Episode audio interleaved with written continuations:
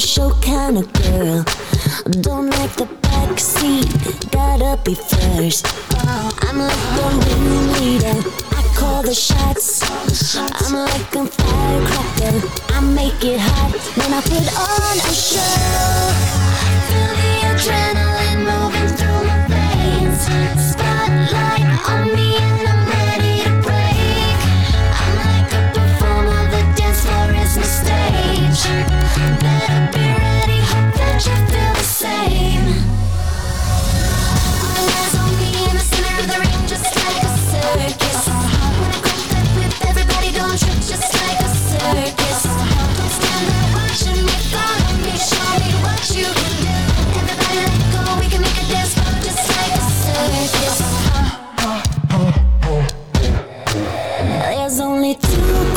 Guys out there. Ones that can hang with me and ones that are scared. So baby, I hope that you came prepared. I run a tight ship, so beware.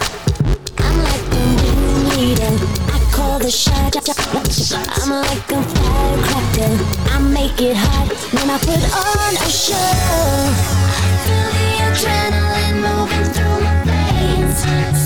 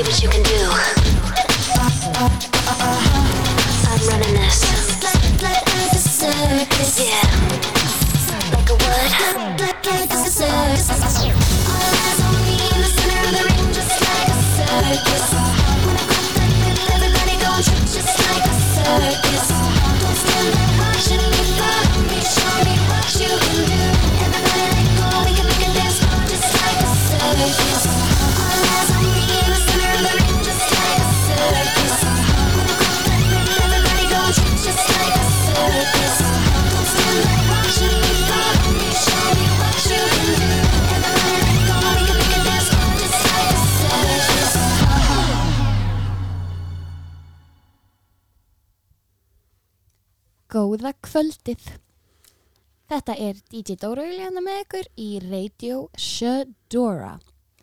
Við erum hérna öll 15. kvöld í bóði Íslensku Hamburgerfabrikunar og uh, ég mæli indreið með því að þið skellið ykkur þangað um helgina og prófið Stefán Karl hambúrgaran þeirra.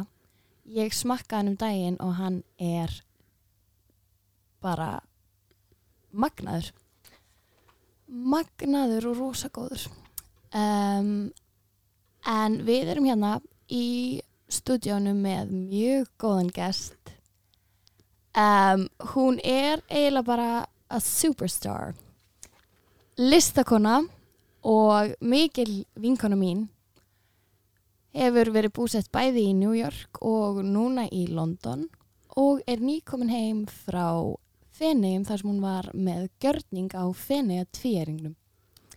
Hún er gjarnan þekkt undir Instagram-nafninu sínu Ice Ice Baby Spice og heitir Ágústa Ír Guðmundsdóttir. Verstu hjartalega velkomin, elsku Ágú! Takk fyrir Dóra. Hvernig hefur það í, á þessum þriðdags modni sem að verður 15. kvöld? Bara mjög fínt að geða þetta viður úti og Já, bara æðislega að vera inn að heima þegar það er gott viður. Er oftast þegar maður kemur heim þá er ekki gott viður. nei það er ömulegt. Það er búið að vera ógeðslega gott núna á meðan þú ert hérna. Þú reyndar, mér veist alltaf að vera sólskinn í kringum þig. um, ertu til í að segja hlustendum sem að kannski veit ekki skýt aðeins frá þér? Sem sagt, ég er listakona, director, editor á tónlistavídeum og fashion-vídeum og svo, þú veist, mótel svona on the side, bara svona gera það bara hér og þar. Einmitt hjá hvaða skrifstofu státtur? No Agency NYC já, það er bara mjög fínt og þau, veist, þau eru mjög góða allir hjá þeim eru bara svona listamenn líka og þau redda manni vinnum. Veist, ekki bara sem fyrirsæti heldur sem líka veist, artist og okkur svoleið sem er geðvögt og ég er bara bý í London núna og bara er að reyna að vinna og gera bara hitt á þetta að reyna að fá sér smá pening.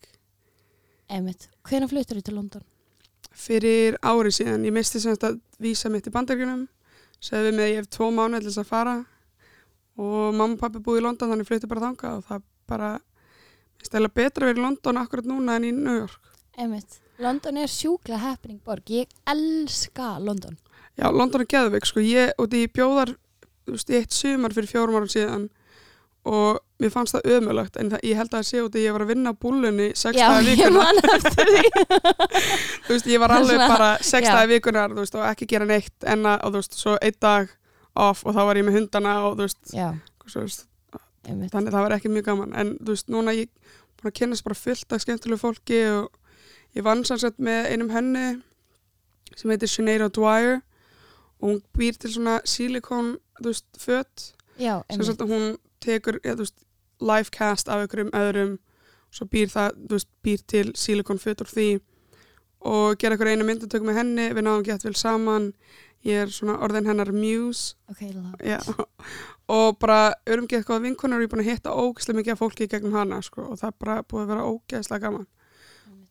Það er líka svo mikið þannig um leið og þú hittir eitthvað réttan þá fara allar dyr að opna. Já, einmitt. Ég held að myndi taka miklu lengri tíma sko, þegar, ég flutti til New York það tók alveg, þú veist, ég held ég að fara í gegnum fimm vinahópi eða eitthvað þá til ég fann, þú veist, Já, vinnu mína, þú veist, í einmitt. En þetta bara gerðist eitt fyrir þrýr og þau eru öll að vinna í bransanum, þau eru öll creative, svo, svo leist, þannig Já. það er bara aðeins, svona auðveldra aðgengi inn í heiminn. já, algjörlega. Hvernig byrjaðir, þú veist, hvernig byrjaðir þú sem artisti? sem sagt, ég er náttúrulega frænka mín og maðurinn hennar, Anna Pálma og Guy Rock, ég er búin að vera rosa mikið með þeim bara í gegnum tíðina Já. og ég held ég að ákveða það því ég var, þú veist, í það var 12 ára, ég mér langaði að vera ljósmyndari og ég er búin að vera, þau eru ljósmyndari og ég er búin að vera rosa mikið kringu þau og okkur svo leiðis og ég var alltaf, þú veist, frá 12 til 19 ára, eitt í öllum sumrunu hjá þeim í New York og bara fór að fara með þeim í vinnuna og okkur svo leiðis og langaði bara að vera ljósmyndari. Þannig ég fór í skóla í New York sem heitir School Visual Arts lærði ljósmyndari og vídeo og bara byrjaði þar og ég byrjaði sem ljósmyndari og núna tek ég bara ekki myndir lengur Já, þú ert bara ekkert ljósmyndur. Nei, þú veist, ég Ok. gerir bara einhverja Instagram myndir eitthvað ljósmyndari Já, þar þú mjög góðar Instagram. Instagram accountin er eiginlega notorious. mm, thank Hann you. er finally búin að catch on á Íslandi. Ég er búin að býða svo lengi eftir Já. því. en mjög feindi sko, ég fekk eitthvað DM í gær það var eitthvað sem sendi eitthvað I found your Instagram page in the mid middle of a shroom trip It helped me Oh my- so much and I relate to it so much. Thank you for being you. You are magical. oh, thank Fannst you so much. Hún er ábygglega verið að senda þetta meðan hún var á sveppum og okkur. Já, bara góðan gýr. Já. Ég man þegar ég var ekki sem að setja í close friends eitthvað, oh my god, og ég var með 92 hérna message requests og ég var eitthvað, wow, þú sendi bara girl, var svona 100 plus. Þannig að það er maður Já, maður fær, þú veist, ég fæ, þú veist, ég er líka postað svo mikið af memes og svo lýsið stórið mitt. Já, einmitt. Þannig maður er alltaf að fá eitthvað lol. Já, haha. já, já, já. Lol. Stórið er hilarious. Thank you. Hvernig kom hérna Ice Ice Baby Spice? Og er það, þú veist, er það artistanamnið? Þetta er partur af ego sem, sagt, sem að, veist, svona ég hef bara svona basically bara núna á árunu búin að finna út úr því að það er bara artistanafni mitt, Ice. Baby Spice.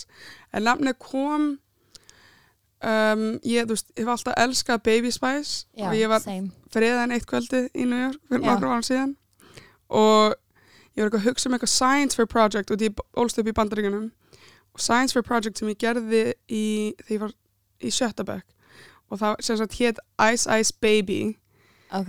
og ég var eitthvað Baby. að hugsa um það og Baby Spice og ég leiði, oh, Ice Ice Baby Spice Já, það það kom nafni Það er svo ógeðslega catchy. Nú er svo fyndið, ég er búin að sjá nokkra Instagram-akkánta hérna sem eru núna að bæta inn spice. Þannig að það eru greinlega margir inspired. það er líka alltaf þegar ég mæta okkur sett þá er alltaf, já, þú ert þannig Ice Baby Spice Spice Ice. Já, já. einmitt. Ice Ice Baby Baby. Já, Bye En hérna Núna er Instagram svolítið stór faktor af því sem þú ert að gera. Já, algjörlega. Ég fengi mjög mikið af, þú veist, bara verkunum út frá því, sko. Einmitt. Bara, þú veist, það er eiginlega mm, maður er farin að taka eftir því að það skiptir ekki máli hvað maður er með mikið af followers Nei. Bara að maður sé með réttu followers. Já, einmitt. Þú veist, ég er með, er með mjög mikið af fólki þú veist, frá tímaritum og svoleið sem er að followa mig. En Geðveikt. þú veist, það er líka, þú veist aðalega út frá einhverjum verkefnum, bara fyrirsætti verkefnum sem ég hef gert. Já, og ég hef bara verið linkuð og svoleiðis og fólk hefur bara komið að mig að séð að ég geri fullt af eitthvað svona þrývita dóti og svoleiðis og bara bara hei, getur þú gert þetta fyrir okkur hér og okkur svoleiðis, þannig þú veist, vera með eitthvað smá following og vera bara með flottan feed og þá já, nákvæmlega. content Já, einmitt, fyrir þig. Það er einhvern veginn, Instagram er svo ógæðslega powerful dót. Já, og það er orðið svo ógæðslega business oriented. Þú veist, sérstaklega fyrir fólk in the creatives skilur Mhm. þannig að það er hérna líka bara hjá mér skilur það hefur verið gæðveikt stór faktor í því að allavega vekja aðtikli svo að fólk sko viti af manni. Já, algjörlega, bara koma hann á framfæri. En ertu, þú veist ertu með fyrirfram ákveði Instagram eða gerir bara eitthvað? Ég er bara, þú veist, ég er með einhverju hugmynd og kannski, þú veist, ger ég henni ekki alveg strax og, þú veist, bara eitthvað og svoleiðis. Já, svo ég gæri settist neyra á kaffehús og ég ætla þú veist, fara að vinna en eitt ég tveim tímum í að gera Instagram posti sem Já. ég postaði gæri og þú veist svo bara fór ég heim. Já takk fyrir mig. Vinnudagur er minni búinn. En þú veist, Instagram er bara þú veist, fyrir mig Instagram er bara svona eitthvað þú veist, sem ég get le- leikið mér í þú veist, ég posta bara í story eitthvað og ég er ekkert eitthvað hugsa mikið út í, þú veist like og okkur svoleiðis, jú, jú, það kemur svona stundum upp en svo er maður bara, æ, þú veist, hættu svo þú veist, life moves on. Einmitt. Og það er þú veist, þetta freedom að geta gert það sem maður vill er óslega kærkomið sko. já, algjörlega. Ég myndi ekki geta eða þú veist ég, það eru svo margir sem að láta Instagram verða svolítið kvíðavaldandi faktor skilur eða bara kvíðavaldandi vinnutól í rauninni. Af því að þú veist það er óslega intense maður er með samfélagsmiðla 24-7 og það Mhm. er svolítið svona líka kannski þú veist Instagramið er náttúrulega pínu alter ego af þér. Já, algjörlega. Og það er mikilvægt, finnst þér ekki getur þú kúplaði stundum út og verið bara eitthvað svona önnur útgáður sem er ekki þessu svona uncensored artist. Eða þú veist, það getur ekki verið svolítið intens að vera alltaf í þeim gýr Jú, jú, en þú veist, ég, þú veist, ég sagði um daginn, þú veist, það eru two versions of me, það er, þú veist, þegar ég er bara extra og bara ég já, og þegar ég er heima í einhverjum skítum, þú veist, orðum ból og horfa á hvað, þú veist, það, veist, þannig bara það er annarkvort eða, já, nákvæmlega og þá getur maður alltaf svona, það er svo þægilegt þú veist, þegar maður verður þreytur á einu þá er þetta að leita eins með já, í annað. auðvitað. en þú veist, eins og fjölskyldan, veist, við vorum í matabóði hjá ömmu og ég með, veist, þessar French tip neglur. Já, og amma bara, já, og eftir að mála, eða veist, eftir að klára, sitta litina og ég leið, nei, þetta er bara svona trashy French tip sem ég fíla, þú veist, og hún var leið, nú, já, ok, ok. Þú veist, þannig að þetta er svona, þú veist, að ég veit ekki, þú veist, Ice Baby Spice er alltaf ego en þetta er rosa mikið bara ég, Já, nákvæmlega, og þetta er svona órjúanlegur hluti af manni. Já, og þú veist, það er stundum smá erfitt að, eða þú veist, mér finnst ég vera svona nokkrar manneskjur inn í mér. Og stundum veit ég ekki, þú veist, stundum er ég bara að blanda af öllum líka. Já, algjörlega, og svo er það svo mikið þannig að þú veist, það er einhvern veginn svona maður getur svo mikið skapað hver maður er og stjórnaði hver maður er. Bara með því, þú veist, hvernig maður ákveður að klæða sig og koma Mhm. fram og tjá sig og tala og þetta getur verið líka pínu svona superpower. Já, algjörlega, þú veist, þetta er bara, núna eru allir frægir, Já, ég veit það. þú veist, allir You're eru með Instagram, emmitt, þú veist, everyone's an influencer, mm þannig að þú veist, þetta er ókslega létt að vera, þú veist, have your 15 seconds of fame sem endist miklu lengur. Nákvæmlega, og þeir flestir á Instagram, jú, þú veist, með eitthvað nokkra þúsundum, maður er alltaf growing, nákvæmlega. Þú veist, það er aldrei, þú ert alltaf bara að vera meira og meira og meira þekktur og frægur og svoleiðis, þannig að þetta er, þetta er mjög special, Þetta er það? Já, En finnst þetta kvíðavaldandi? nei, þú veist, ég er svona, ég hef alltaf verið með Instagram bara svona, nota þetta bara sem annað svona tool til þess að Já, leika mér og prófa einhverja hugmyndir og svoleiðis og posta og sjá hvað fólk fílar og bara, þú veist, fá feedback einhvern veginn, þú veist, þetta Já. er aldrei verið kvíðavaldandi fyrir mér, en ég held að sé líka út af því ég, þegar ég var skóla í New York þá skrifaði ég rosa mikið um, þú veist, social media já, og the effects og okkur svoleiðis og, þannig ég hef alltaf getað tekið svona step back og skoðað þetta, veist, og haft svolítið húmor fyrir já, veist, ákveðnum influencerum og svona í staðin fyrir að eitthvað, ó, ég verða eiga svona að geta þetta, það er doldið key að vera svona, svona þú veist, ég myndi aldrei vera bara eitthvað ok, Kylie Jenner er svona og ég er að bilast út og ég er ekki eins og hún Nei, eða skilur aldrei, þú veist, ég meina ég elska Kylie Jenner. líka, en, en þú veist, ég er ekkert að fara að vera, þú veist, bara sár og leið út í því ég er ekki nákvæmlega eins og hún og nei, ég meina hún þéna líka halva miljón á dag en Já. það bara sér. God. og svo það er líka held ég kemur svo mikið með því að vera fyrst og fremst sko sáttur með sig Já, og algjörlega. það er svo mikilvægt að byggja sig upp þannig og mér finnst einhvern veginn eins og það þurfi svolítið að passa upp á þetta hjá yngri krökkum en alltaf núna er allt aðgengilegra miklu Já. meira heldur en þegar við vorum bara í MH, Já. skilur Mhm, þú veist, ég þurfti bara að fara á Amazon og lesa Vogue til þess að lesa, eða Já. skilur þú veist. Algjörlega. Það var ekki eins og þessi online magazines voru ekki eins og orðin stór þá. Nei, þannig að þetta er svona það ég held með þessu poweri þarf að þú veist þurfa stelpur átt þess að því bara eitthvað, ok, ég verð bara að vera stolt af mér og vera með mitt eigið identity og ég þarf ekki að kopja allt sem ég sé skilur algjörlega, þú veist svo fyndi líka, þú veist ég bara mann þegar maður eru í MH þá er alltaf svona allir öðruvísi. Já, en allir voru eins öðruvísi. Veist, það var engin öðruvísi. Það er sko mest, þú veist, svona er þetta líka í dag. Já, það er algjörlega. alltaf bara, ok, þetta er óslega svona hip og öðruvísi en svo eru allir svona, þannig að þeir sem eru öðruvísi eru bara alltaf skrýttir Já, þú veist, það er einhvern veginn fólk er oft, og þú veist, það er kannski ekki eins og ég sé eitthvað sjúklega augrandi eða eitthvað, Nei. en ég er bara svona mér er alveg sama þú veist, ég er bara svona, ég er í stöðu fyrir þetta þannig ég er að fara að vera í þessu já, skilur algjörlega og það er oft bara svona fólki finnst það mjög merkilegt ég meina að maður bara tekur eftir því á götunni þú veist, þegar maður er að lappa um í ykkur sem er ekki svona Já. the norm, fólk er bara Nákvæmlega. hvað Who is she? Já, what? já, en það er svo gaman að þú ert, þú hérna hefur þróað með svo ótrúlega einkennandi identity og lú ég bara hef alltaf, þú veist, bara í gegnum tíðinni ég hef alltaf verið bara, þú veist alveg sama og bara ég er ég og þú veist, ég man þegar ég fluttinga heim í áttundabæk þá bara, þú veist ég var í Abercrombie en svo var ég pilsi yfir Abercrombie gallabuxur og eitthvað, ég var bara, Já, ok, cool eitthvað. this is my look. Já, þú veist, mér hefur alltaf verið bara nákvæmlega sama. Og það er svo gætt, pældi ég líka að vera 13 ára og geta ekki, veist, að geta verið sama. Mm það er alveg, og maður náttúrulega hefur farið í gegnum, veist, ups and downs og svo, þú veist, mentaskóla var erfiður fyrir mig, fyrir mig en, þú veist, svo bara, þú veist, flutti ég út og það hjálpaði mér rosa mikið að bara finna sjálf mig aftur og, og bara mér fannst eins og ég hafi verið bara ég aftur. Já, en þú veist, maður bara fer náttúrulega í gegnum tímabil þar sem maður er confident og ekki confident og Einmitt. svoleiðis og og svo er maður líka bara aldrei sama útgáðan sér Nei, þú veist, maður er bara ein ágústa þegar þú ert 16 ára og svo allt í einu bara Já. allt önnur þegar þú ert 20 ég menna maður skoða myndina mér þegar ég er 16 ára ég er bara, hvað er í gangi ya. En samt ekkert neginn þykir manni vænt um það því að þetta er partur af því hver maður er núna sko, að maður er ekkert neginn Þú veist, ég var alltaf í ykkur, ég átti held ég 40 pör af hérna, litrygum leggings úr American Apparel. Love, um, ó, ég sakna American Pie American Apparel er fyrir að byrja aftur. Er það? það er svona að byrja aftur, það er verið að fara að senda það er verið að senda packages á influencers og okkur svolítið, ég er búin að sjá Ok. núna á Instagram nokkur sem hafa fengið sér, fengið bakka og eitthvað, ok, ok, spennu so it's coming back. En það er náttúrulega controversial fyrirtæki en veist, já. já, ég man, en þetta er samt svona þetta er eitthvað sem að ég, þegar ég var átján og var alltaf að vesla í Amerikan Apparel þegar ég fór til New York og eitthvað, þá, þú veist, ég átti svona gildan glansundból og náttúrulega disco pants eins og Mhm. allir, á allir voru Íslandi. allir á því, ég átti svona rauðar ógeðslega stuttar já, man stuttbuxna eftir disco pants. Sem rassin var bara út og ég var bara hvað?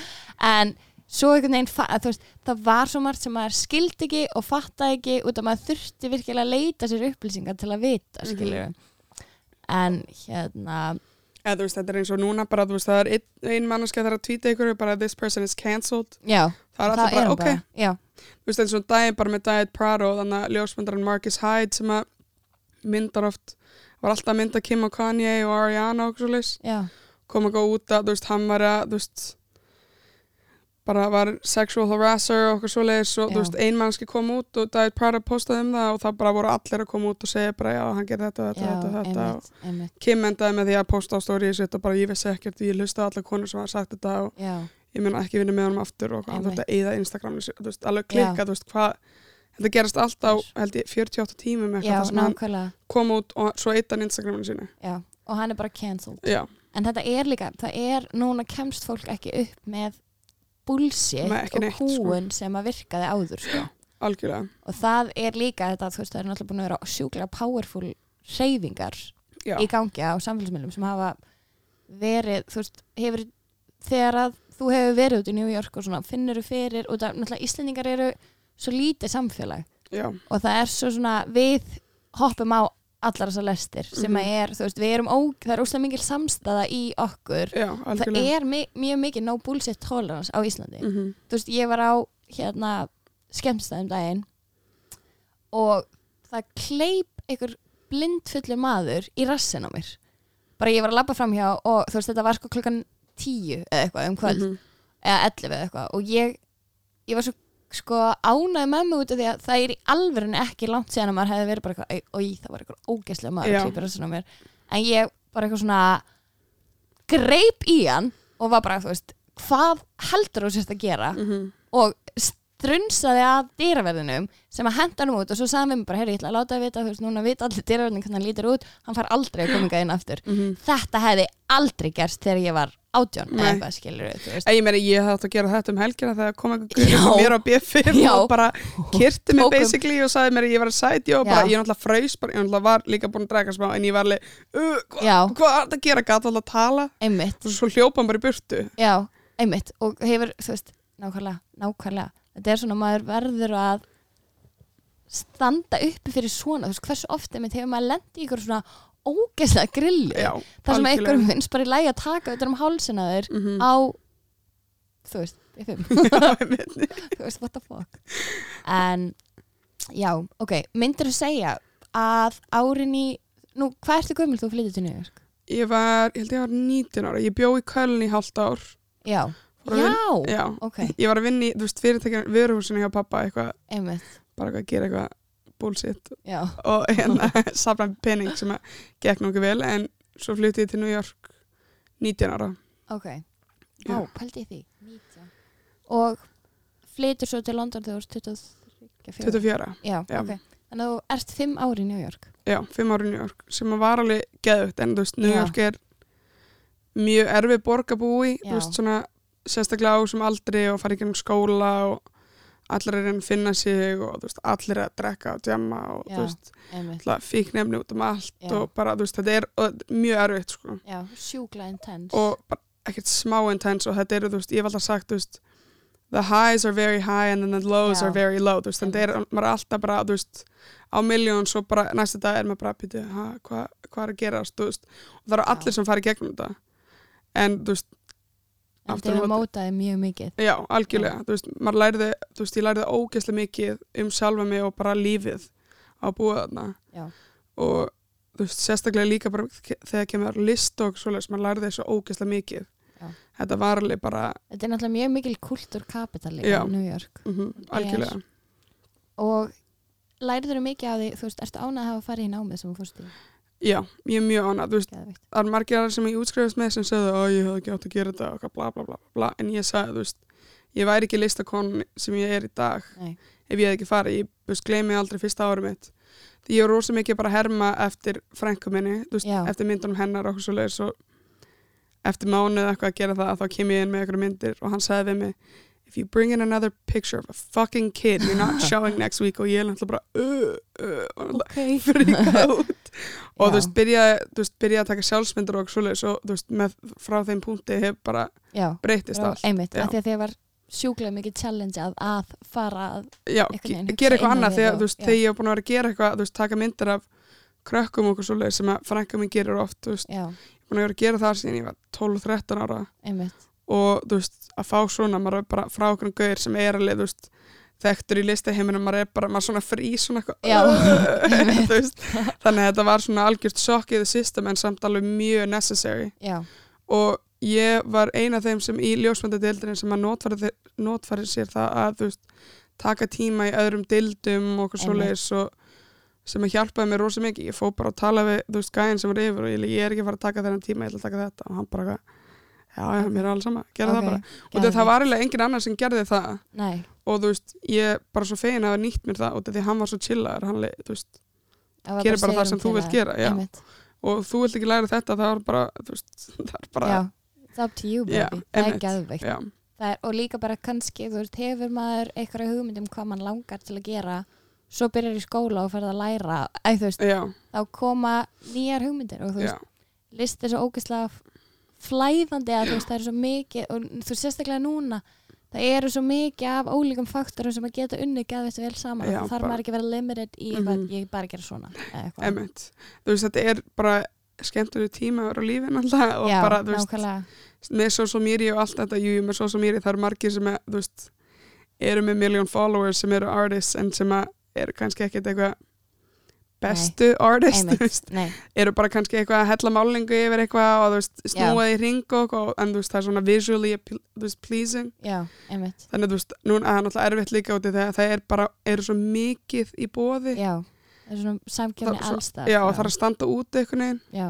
en þú gerir það mjög vel já, finnst mér. takk fyrir þetta hvernig, þú veist hvað myndur þú segja veitir innblástur í þessu svona listræna ferli þegar þú ert að skapa eitthvað hvaðan Það- kemur innblástur? þú veist, ég hef alltaf sagt að ég bara er mitt eigin muse. Já, einmitt. Þú veist. Og þú veist, bara innblástur kemur bara allt, þú veist, frá mér og ég hef alltaf bara alla æfi verið mjög mikið, þú veist, inspired of pop culture in a sense, þú veist, ég hef alltaf hort á það kannski aðeins öðruvísi og lesi inn í það meira en bara eitthvað, þú veist, eitthvað skoða eitthvað slúðublað og eitthvað.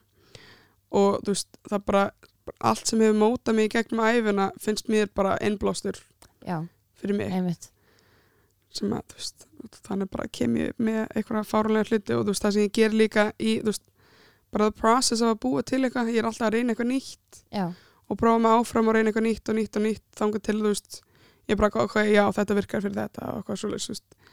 Ég er bara, ég, hef, ég er aldrei sátt með bara eitthvað eitt ferli, nei, ég er alltaf moving on, ég bara, veist, ég verð bara ógeðslega bored, mjög rætt, sko. Já, þannig að þú ert í bara í stöður í þróun sem er líka gott því að þú veist það er ekkert leiðilega en að fara að leiðast það sem maður er að gera. Ó, það er að versta, sko.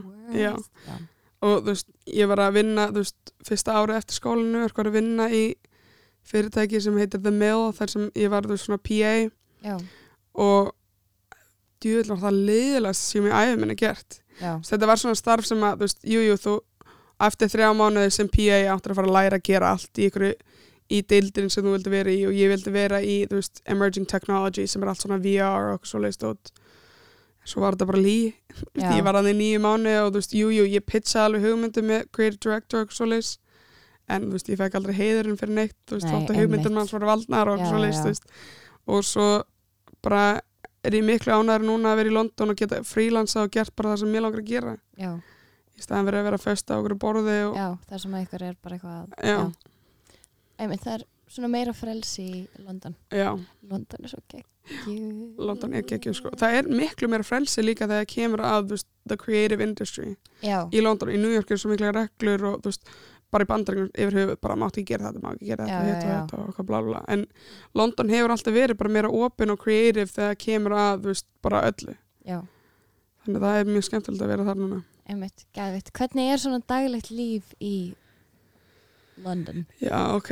Það er, svona að vakna kannski svona tíu og gera sér til, fara sér að borða og svo er ég með stúdíó Ok, gæðvitt með hennuðunum sem ég var að tala um áðan og þú veist, ég fer bara þangað að vinna, e-mail og svo leiðis og það er gott við er þá fer maður að borða þar úti í garði eða eitthvað og svo aftur að vinna en þú veist, það er rosa misjátt stundum er ég upp í stúdíó til klukkan 11 um kvöldin og stundum, veist, fyrir ég heim klukkan 6 Já, og veist, getur svolítið ráðið sjálf. Já, sem bara æðislegt, veist, ræður náttúrulega bara sketsjúlun sína Mhm. alfæri sem er geðut og ég get unni basically hvað sem er í heiminum ef ég er bara með tölvun minna harðiskin, það er ég góð. Þá getur verið worldwide. Já, Það gæðvitt, það er Sko, mér finnst líka bara Frílans er svo mikið svona The new occupation Það eru Mhm. allir, þú veist, það er bara frílans alls konar, já ég er frílans verbreyðamilur já ég Já. er frílans þetta það er ógeðslega gaman að já. þú veist, fólk vill svolítið stjórna sér þú veist, já, sjálfur algjörlega vera þú veist, það er þú veist, bara okkar kynslu og yngri vilja ekkert vera bara eitthvað 9 to 5 það er alla nefnilega daga, 9 þú to veist. 5 is Já. cancelled Nei, ég segi svona, auðvitað bara fyrir það eftir í á hvaða hérna á hvaða braut þú ferð í lífinu en það er einhvern veginn ég held svona að á næsta árum verði fjölbreytnin alveg styrlaðslega mikið Já, sko, algjörlega. við komandi kynnslöðum við erum, og líka bara við erum einhvern veginn á mjög góðum tíma að vera okkar aldri, finnst mér. Mér finnst það líka, ég, þú veist, það er svo margir sem tala um ó, ég vildi vera, þú veist, á þessum aldrei fyrir 20 árum síðan Já, alls ekki. Na, ég ekki myndi heldur. aldrei vilja það, sko. No, sko. líka bara upp á svo ógeðslega margt. Þú veist, ég var einmitt í matabóði að tala um þetta, þú veist, það er svona líka bara, veist, hlutir sem hefðu viðgengst fyrir 10-20 árum. Já. og veist, ég held að, að vera stelpa sem að gerir í því að vera skvísa í mínum mínu starfi Já, hefði verið ótrúlega challenging það bara hefði ekki fyrir, verið hægt nei, eila, þú sko veist, og ég held að það hefði alltaf verið að Já, bara svona uh, sko bæði kannski það sem maður upplegaðist þegar maður var yngri og bara þú veist sem maður hefur lesið um og Mhm. hefur bara opnað augum hans núna þú veist að það hefði alltaf einhvern veginn verið reynt að lítilæka mann og takmarka mann og svona Mhm. og svonlega stóð bara viðgengst ekki núna nei, þannig að það er líka frábært að vera það er að vera stelpa í dag skilur Algjörlega, og þetta girl power er svo mikið veist, það að veist, það er power í því að standa saman og það er power í því að fá bara sitt frelsi til að vera þú skilur Mhm. og það hefur ekki alltaf verið frelsi til þess að fá að vera bara eins stelpulega og þú vilt hvað sem að þú veist, það svo sem þýðir en bara að vera stelpa og gera sitt hefur ekki alltaf verið sjálfgefið skilur nei, bara ekki auðvelt þannig að þess vegna erum við girl power all the Já. way all the way girl power all the way all the way fem power all Já. the way all power Nákvæmlega, wave, everyone. all power, power to all, pow, pow, pow. Ég er alltaf, ég er alltaf með pow. Jim Pow. um, en núna varstu, þú varst í mæ í finnum, er það jú, ekki? m- jú, mæ, byrju mæ held, já. Þetta var svo ótrúlega skemmtlegt. þetta var, þú veist, þetta var klikkuð upplifun, sko, ég fekk Já. bara eitthvað random DM á Instagram bara eitthvað official invite á Oh my Venice God. Biennale og ég var bara, þetta lítur að vera eitthvað joke, sendið þetta á agenti minn, hann leið, að, þú veist e-mailið þeim, sá, þú veist, sá Já. hvað þið segja og þó, svo var þetta bara alveg allt rétt og þeir bara, já, hér er flugmiði, hér er Pældi í hótelherbyggi því bara á Insta. já, þú veist, við, þú veist, ég átti eitt viðtal við það á Skype Já, og þeir leið, já, hvað ætlar að gera? Ég leið, að, ég veit það ekki alveg, ég hef aldrei performað áður þannig, þú veist, ég bara, það er ennþá að hugsa it out. og þeir leið, ok, cool já, við köfum með fyrir á morgun ég var bara eitthvað, þetta var, veist, þetta bara klikkað, þú veist, ég hef Já. aldrei lent í ykkur svona sem bara, þetta bara gerðist já, svona. 1, 2 og 3, þú veist, og það er ekkert vandamál með neitt og ég tók loga með mér sem Já. assistant Logi besti sjátat á elsku Já. Loga. Þú veist, ég var alltaf bara, hei, fara náðu þetta, náðu Já. þetta, vídeo, tekur Já. þetta hann líka bara þið tvö í finnum ég var eitthvað svona, já hann senda á mig eitthvað herri ég er að fara með ágústi til Venice og ég var eitthvað, er það að fara til LA? Nei, ég var eitthvað what? Er það að fara til. Feneyja? Þetta var mjög skrítin borg fyrir okkur tvö að vera saman í Fóruð ekki á svona kanal og eitthvað Jú, jú, vorum, þú veist, fyllt einhverjum partíum líka og þú veist, þetta var svo gaman því því bjóst ekki við það og svo mikið af fólki sem ég þekkti veist, frá New York Já. og London, það voru allir, þú veist, ógisla margir þarna. og var ekki shoplifter líka með sín Jú, Shoplifter var með sýningu, við fórum á, þú veist, í partíi þar Ham spilaði og hvað, þú ok, veist, geðveikt við, við löpuðum inn og við erum með, er Ham að spila?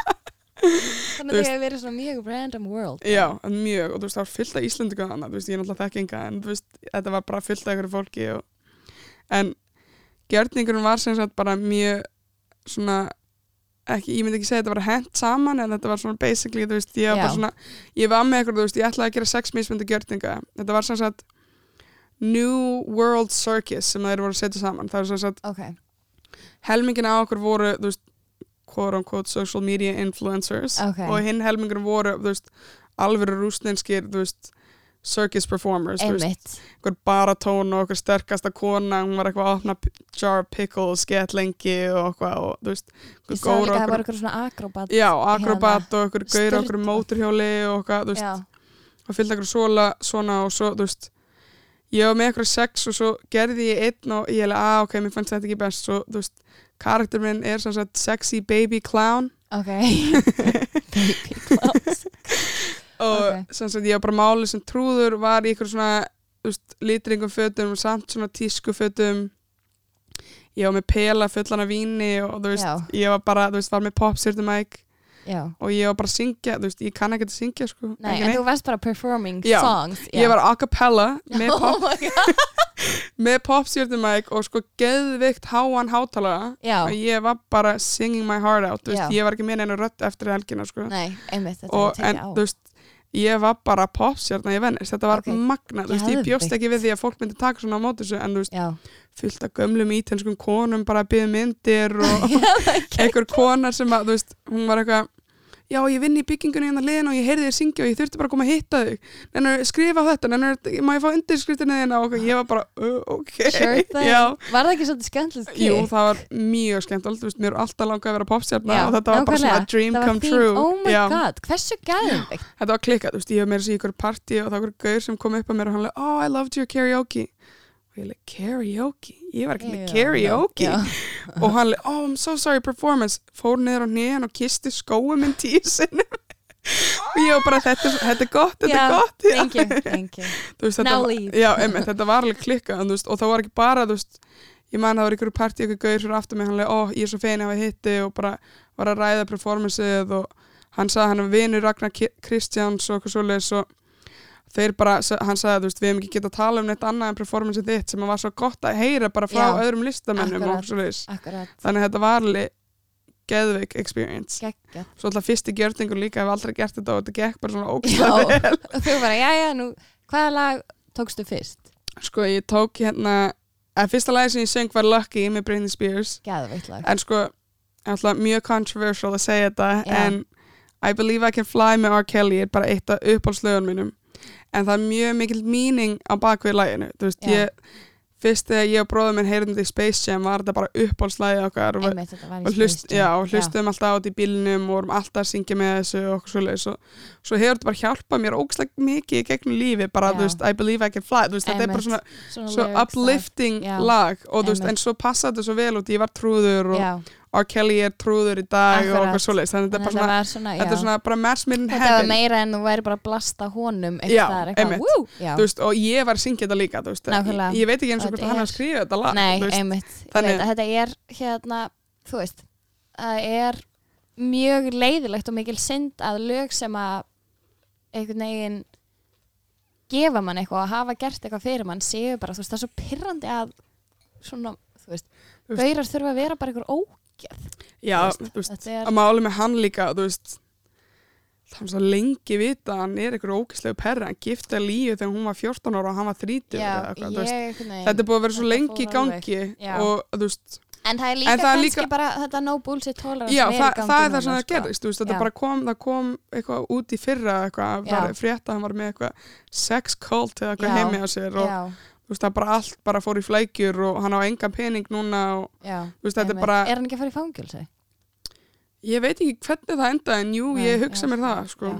Einmitt. en þú veist, þetta er bara svona, það er allir í, veist, sérstaklega í bransanum, það vissi þetta allir í bransanum, þú veist, og maður tala um svo marga núna, þú veist, í fyrirsettu bransanum, ég alltaf að tala við agent minn um þetta og hann leiði, já, það vita allir um þetta og vita all, veist, alltaf með Harvey Weinstein, það vissi þetta allir. Já, þú veist, en það var enginn sem sagði neitt. Nei, og svo núna er bara komið allt sem að þú kemst bara- ekki upp með þetta Nákvæmlega. lengur. Nákvæmlega. Þannig, Og það er svolítið svona þessi bylgja sem við lifum á núna er bara svona þú veist þöggun er líka svo ógeðslega takmarkandi skilur að Mhm. þú veist, og það eðilegur í, það eðilegur svo marga bara að Já. þaga, þannig að þú veist nákvæmlega. ég held að það, fólk er farið að fatta það líka núna og veist, ég sjá eitthvað mím um daginn sem var eitthvað baby boomers að tala um, þú veist, therapy voru eitthvað, yes, I'm going to therapy. Þú veist, Já. kvíslaði þessu og eitthvað Já, svo millennials var bara, do you want to know what I said já to my ég sá therapist? Þetta, Já. þetta var gæðveikt Þetta er svo, þetta er svo bara satt með bara tíminn Ég dag, það.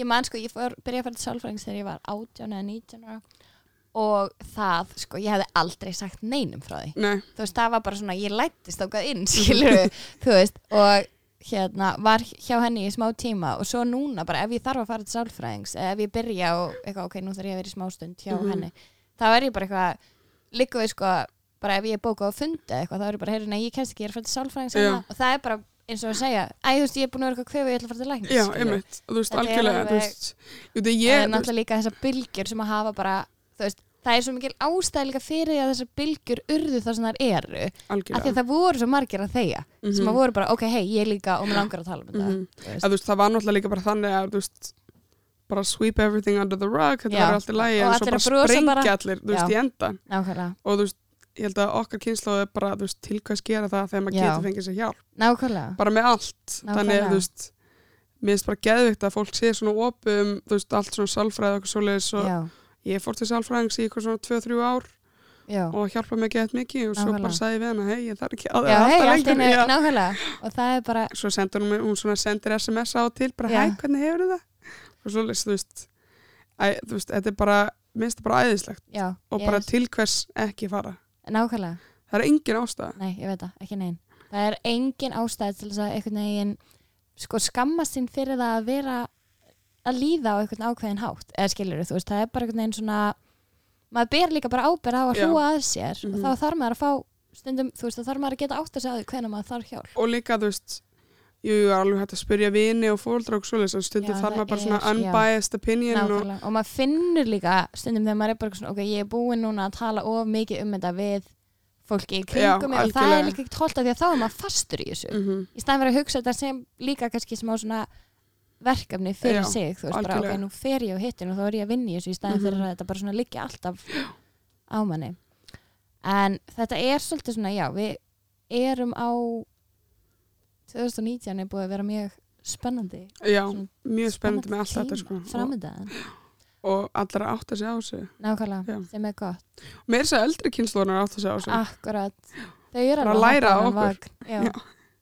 Þau eru, oh my god, það var svo fyndi ég var upp í vinni og pappa um daginn og hann var hann var eitthvað svona bleikri skýrtu og ég var eitthvað, nenni að segja girl power og hann var eitthvað, oh, girl power og ég hérna það var svo skemmtilegt samt þetta, hann er alltaf bara, þú veist woo, skilur all about it Mhm. en ég sett það í story og svo er hann sko að vinna veist, hann er með nokkur svona yngri stráka í vinni hjá sér í verbreyja Mhm. fyrirtæki og svo var hann bara Dóra, þú verður að láta mig vita áður en að þúsundir mann sjá mig var eitthvað já, þú ert bara celebrity dad núna Já, ég, þú veist, einmitt, ég postaði mynd af mömmu, ég með svona sítt gerfi ponytail, postaði mynd af mömmu með það í story mitt. já, hæ, postaði þessu? Ég leið, allir bara búin að að segja að þú ert snack, you're a snack. you're a Og, snack mom. hvað þýðir það? en þú veist, svo finnst ég þetta alveg Finnst þetta bara skemmtilegt? Þau eru, og það er líka svo gaman þú veist að um, það er svona kannski þegar ég var að klára mennskóla og það er pínu væpið oft eitthvað svona allar ekki að klára þetta, allar ekki að fara svo í eitthvað svona Mhm. nám og eitthvað? En þú veist, það er samt svo mikil breyting á því núna með þau bara þegar ég var í hér, bara að klára stúdent, Já, og það er svona, mér er skæðið gaman og fóreldrar mínir eru sjúklega peppaðir yfir því sem ég er að gera. Mm og þú veist, ég er svona eitthvað fór inn svona á hambúrgarfabrikuna með pappa þegar ég gerði hambúrgara með þeim.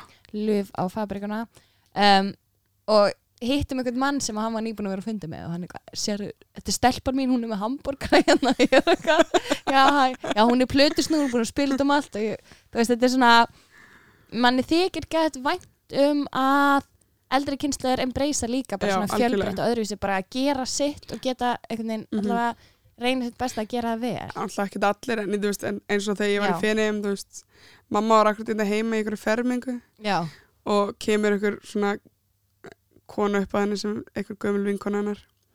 Já, ég sjá það sem Ágústa var að gera hann í finnum á ég nokkuð að gefa þér Xanax eða er alltaf lægi, þú veist? Já, mamma bara, nei, nei. já, mamma posta á Instagram að sitt popstjarna mín og Já, svona sem er svo já, geðveikt út af því að halló, þú veist, þú ert í fenegar tvíhæringnum sem er bara einmitt. huge art viðburður. Ég held að það verið, þú veist Prime Minister of Russia eða eitthvað sem kom að horfa okkur. Þú veist, ég var eitthvað að gera mig til og hleypa next up Russia. Já, hann eitthvað, þú veist, því þetta var funded af Russian sagt, billionaire eitthvað. Ok, wow Já, sem sagt, við vorum að performa fyrir framann eitthvað sem heitir VAC Foundation sem einhver Russian millionaire, billionaire, ég veit það ekki sem á. Já, og hann hitti gaurina einhverja fimm ítalska gaur sem eru saman í einhverju kollektiv og bara eitthvað hei, komið þið að vera með eitthvað. Og þú veist, þannig, þú veist, þess vegna það var þetta allt svona, svo, fyllt einhverjum rússum og Russian Prime Minister eitthvað að horfa mig að syngja I believe I can fly eitthvað.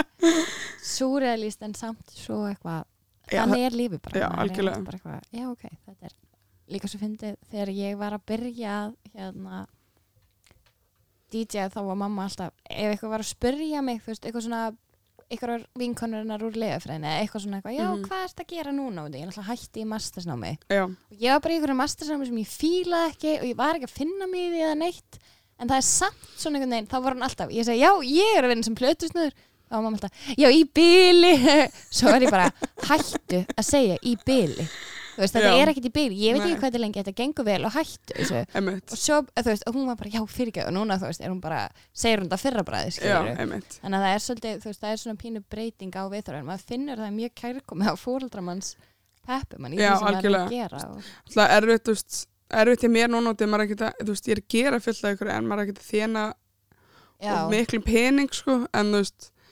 maður þarf að byrja eitthvað staðar og, nákvæmlega, og og bara, pappi segir það líka, þú veist, þú þarf að byrja eitthvað staðar og einmitt. stundum kemur eitthvað kjaftur í henn en maður bara, en þú veist, þau eru samt alveg mjög supportive og þú veist, eru alltaf að segja, þú veist, hvað eru stolt af mér og svo sem er bara æðislegt, einmitt, þú veist, það er ekkert verið að segja, já, þú er að fara að gera þetta Já. og hitta þetta og, það er í veðskett já, einmitt, þau vita það bara,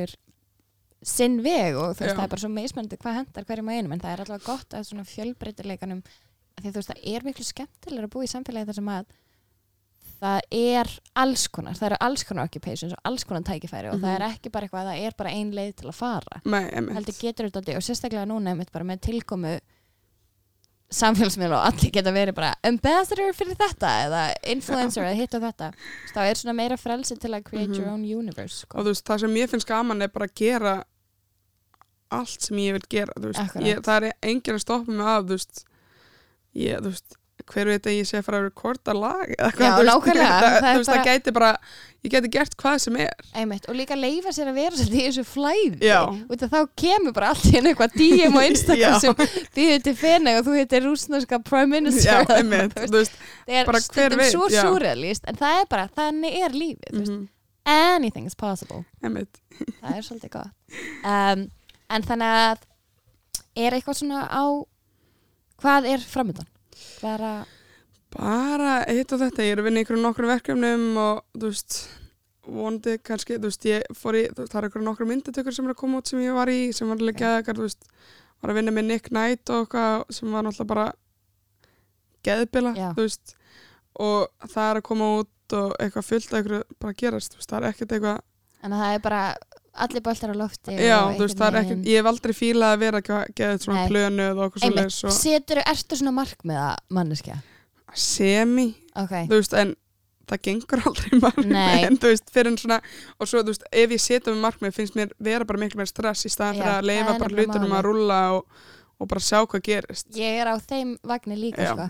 þú veist, ég er svona, mér finnst auðvitað er markmið eitthvað sem er uppbyggilegt og gott og eitthvað og það er Mhm. flott að vera eitthvað, ok, ég ætla að setja mig þetta og gera þetta og eitthvað en mér finnst þetta samt mér finnst ótrúlega algengt að fólk lifi bara frá markmiði til markmiðs skilur og það er bara svona, ég er ekki ánægð fyrir að þetta gerist. Nei, og einmitt. þú veist, þetta er ofta einhvern veginn svona svo intens að fólk gleymir bara að vera. Mm og það er svo mikilvægt að vera. Algjörlega, Þannig og þú veist, það, fyrir mér er bara svona, ég þarf að segja sjálfur mér á hverjum einsta degi að, þú veist, count your blessings og bara muna það sem maður er búin að gera árinu út af því að, þú veist, Feneyjar og myndatakar með Nick Knight gerðist, þú veist, á sko, alltaf sem er sjö dögunum eða eitthvað. Og þú veist, eftir Jesús. það var ég bara, oh my god, hvað er ég að gera núna? já, veist, já, bara eitthvað, oh fuck. En þú veist, svo bara, það er bara pick yourself up again að vera bara, já, þú er búin að gera fullt á þessu ári. Og, þú veist, og það er fullt framöndan og svoleiðis, þú veist, í staðan fyrir að vera bara eitthvað, ykkur stresskast og einhverju móki, og, það er bara það er nefnilega mjög mikilvægt að stað, veist, þetta er eitthvað sem ég er líka búin að læra að temja mér og þetta gerir rosa mikið að stoppa einstakar sinnum og leiða sér bara þú veist, segja bara, ok, ég er ógst stolt af mér og ég get, þú veist bara staldra við og vera stoltur en ekki alltaf hugsa, ok, en ég þarf þetta en ég þetta þarf Nei, að gerast eða, þú veist, heldur bara svona æ, já, ég held að það sé mjög mikilvægt sko. mhm.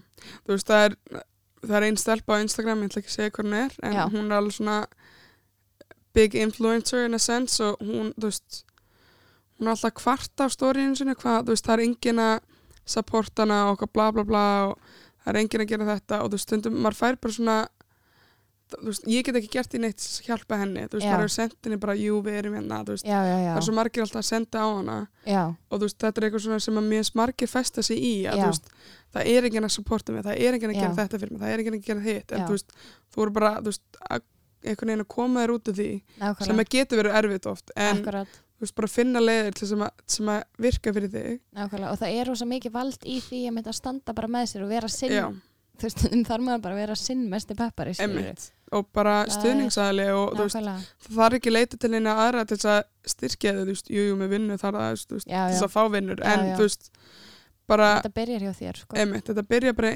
inn í þér og þú veist, bara, og það er sko versta sem að fólk held ég, versta sem er hægt að temja sér er þetta svolítið svona að þetta í þetta allir eru á móti mér eða heimurinn er greinlega bara á móti mér eða eitthvað, að því að þú veist, hugsanir eru líka sjúklega powerful bara getur tekið yfir og Já. maður bara lendir í ykkur bara neðsta punktinum og, og þú veist, það er bara, það er náttúrulega allir með sína eigin leið til þess að ná sér upp úr því. já, akkurat hverjar eru þínar? Erstu í ykkur svona spirituality, meditation ykkur svoleiðis? Þú veist, ég reyna að meditata en ég er náttúrulega bara með ADHD og ég bara get ekki set ekki og ég er alltaf bara, og þú veist, ég er alltaf að skoða allar skúffur, bara hvað ég? Er, alltaf, þú veist, ég get aldrei verið kjur, já, en þú veist, það er bara, þú veist, það er bara svona að reyna kannski meditation og gera hitt og þetta og gera eitthvað sem er skemmtilegt og setja svona vinnunum til hliðar ef ég er stressuð, þú veist, þá bara já, gengi frá þessu og hugsa ekki um þetta í, í sólarringa eitthvað og þú veist,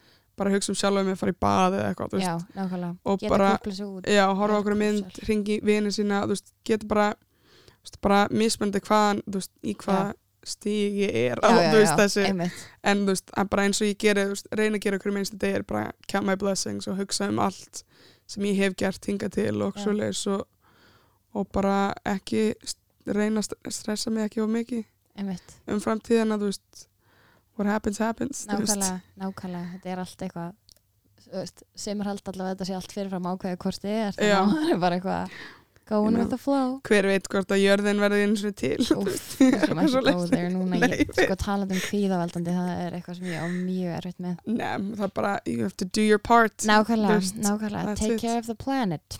Einmitt. Heyrðu, það eru tveir æðislegir liðir alltaf í lokin sem að þú fær, ert svo heppin að taka þátt í. Um, Fyrsta er að mér langar beðið að gefa eitt ráð frá sálinu þinni til þeirra sem er að hlusta. Oh, ok. Um, ok, eitt ráð. Be yourself kids. Þú veist, Love it. já.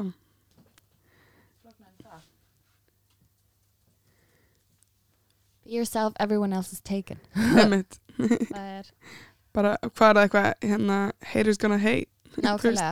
það er alltaf svoleiðis, þú veist, maður er alltaf með eitthvað sem er á móti manni, þú er bara move on, nákvæmlega. Shine er- through the darkness. Svo það er mjög gott. Shine through Og svo More glitter, less bitter. Like my tattoo.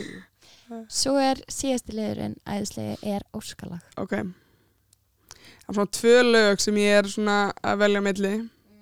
En ég held ég fari með 21 Questions 50 Cent. Og ég hef ekki hlustað á gett lengi en það geðvitt lag.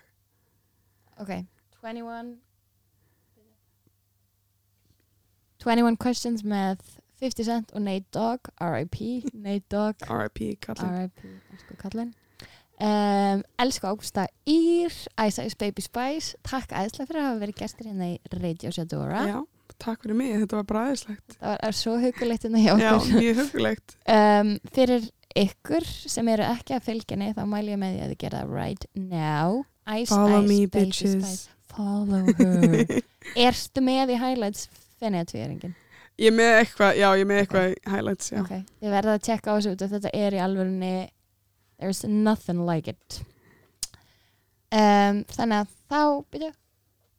Þá segi ég bye Billy, ég kem aftur innan skams með Power DJ set. Uh, Takk hérlega fyrir að hlusta Við erum hérna í bóði Íslensku hambúrgarafabrikunar og þið voruð að hlusta á Ágústu Ír One love New York City. You are now rapping, with 50 Cent. 50 Cent. You gotta love it, you gotta love it. Just wanna chill and twist the lie. Catch stunts in my 745. You drive me crazy, shorty. I need to see you and feel you next to me. I provide everything you need, and I like your smile. I don't wanna see you cry. Got some questions that I gotta ask, and I hope you can come up with the answers, baby. Girl, it's easy to love me now. Would you love me if I was down and out? Would you still have love for me, girl? It's easy to love me now. Would you love me if I was down and out? Would you still have love for me? If I fell off tomorrow, would you still love me? If I didn't smell so good, would you still hug me? If I got locked up and sentenced to a quarter century, could I count on you to be there to support me mentally? If I went back to a hoopty for my bands, would you poof and disappear like some of my friends? If I was hit and I was hurt, would you be by my side? If it was time to put in work, would you be down to ride? I get out and peel a nigga cap, you chillin' drive. I'm asking questions to find out how you feel inside. If I ain't rap cause I flip burgers at Burger King, would you be ashamed to tell your friends that you're feeling me? In the bed, if I use my tongue, would you like that? If I wrote you a love letter, would you write back? Now we can have a little drink, you know, a nightcap. And we can go do what you like, I know you like that. Like that. Girl, it's easy to love me now. Would you love me if I was down and out? Would you still have love for me, girl? It's easy to love me now. Would you love me if I was down and out? Would you still have love for me? Now would you leave me if your father found out I was thugging? Do you believe me when I tell you you the one I'm loving? Are you mad cause I'm asking you 21 questions? Are you my soulmate? Cause if so, girl, you're a blessing. Do you trust me enough? To tell me your dreams, I'm staring at you trying to figure how you got them jeans. If I was down, would you say things to make me smile? I treat you how you wanna be treated, just teach me how. If I was with some other chick and someone happened to see, and when you asked me about it, I said it wasn't me. Would you believe me or up and leave me? How deep is our bond if that's all it takes for you to be gone?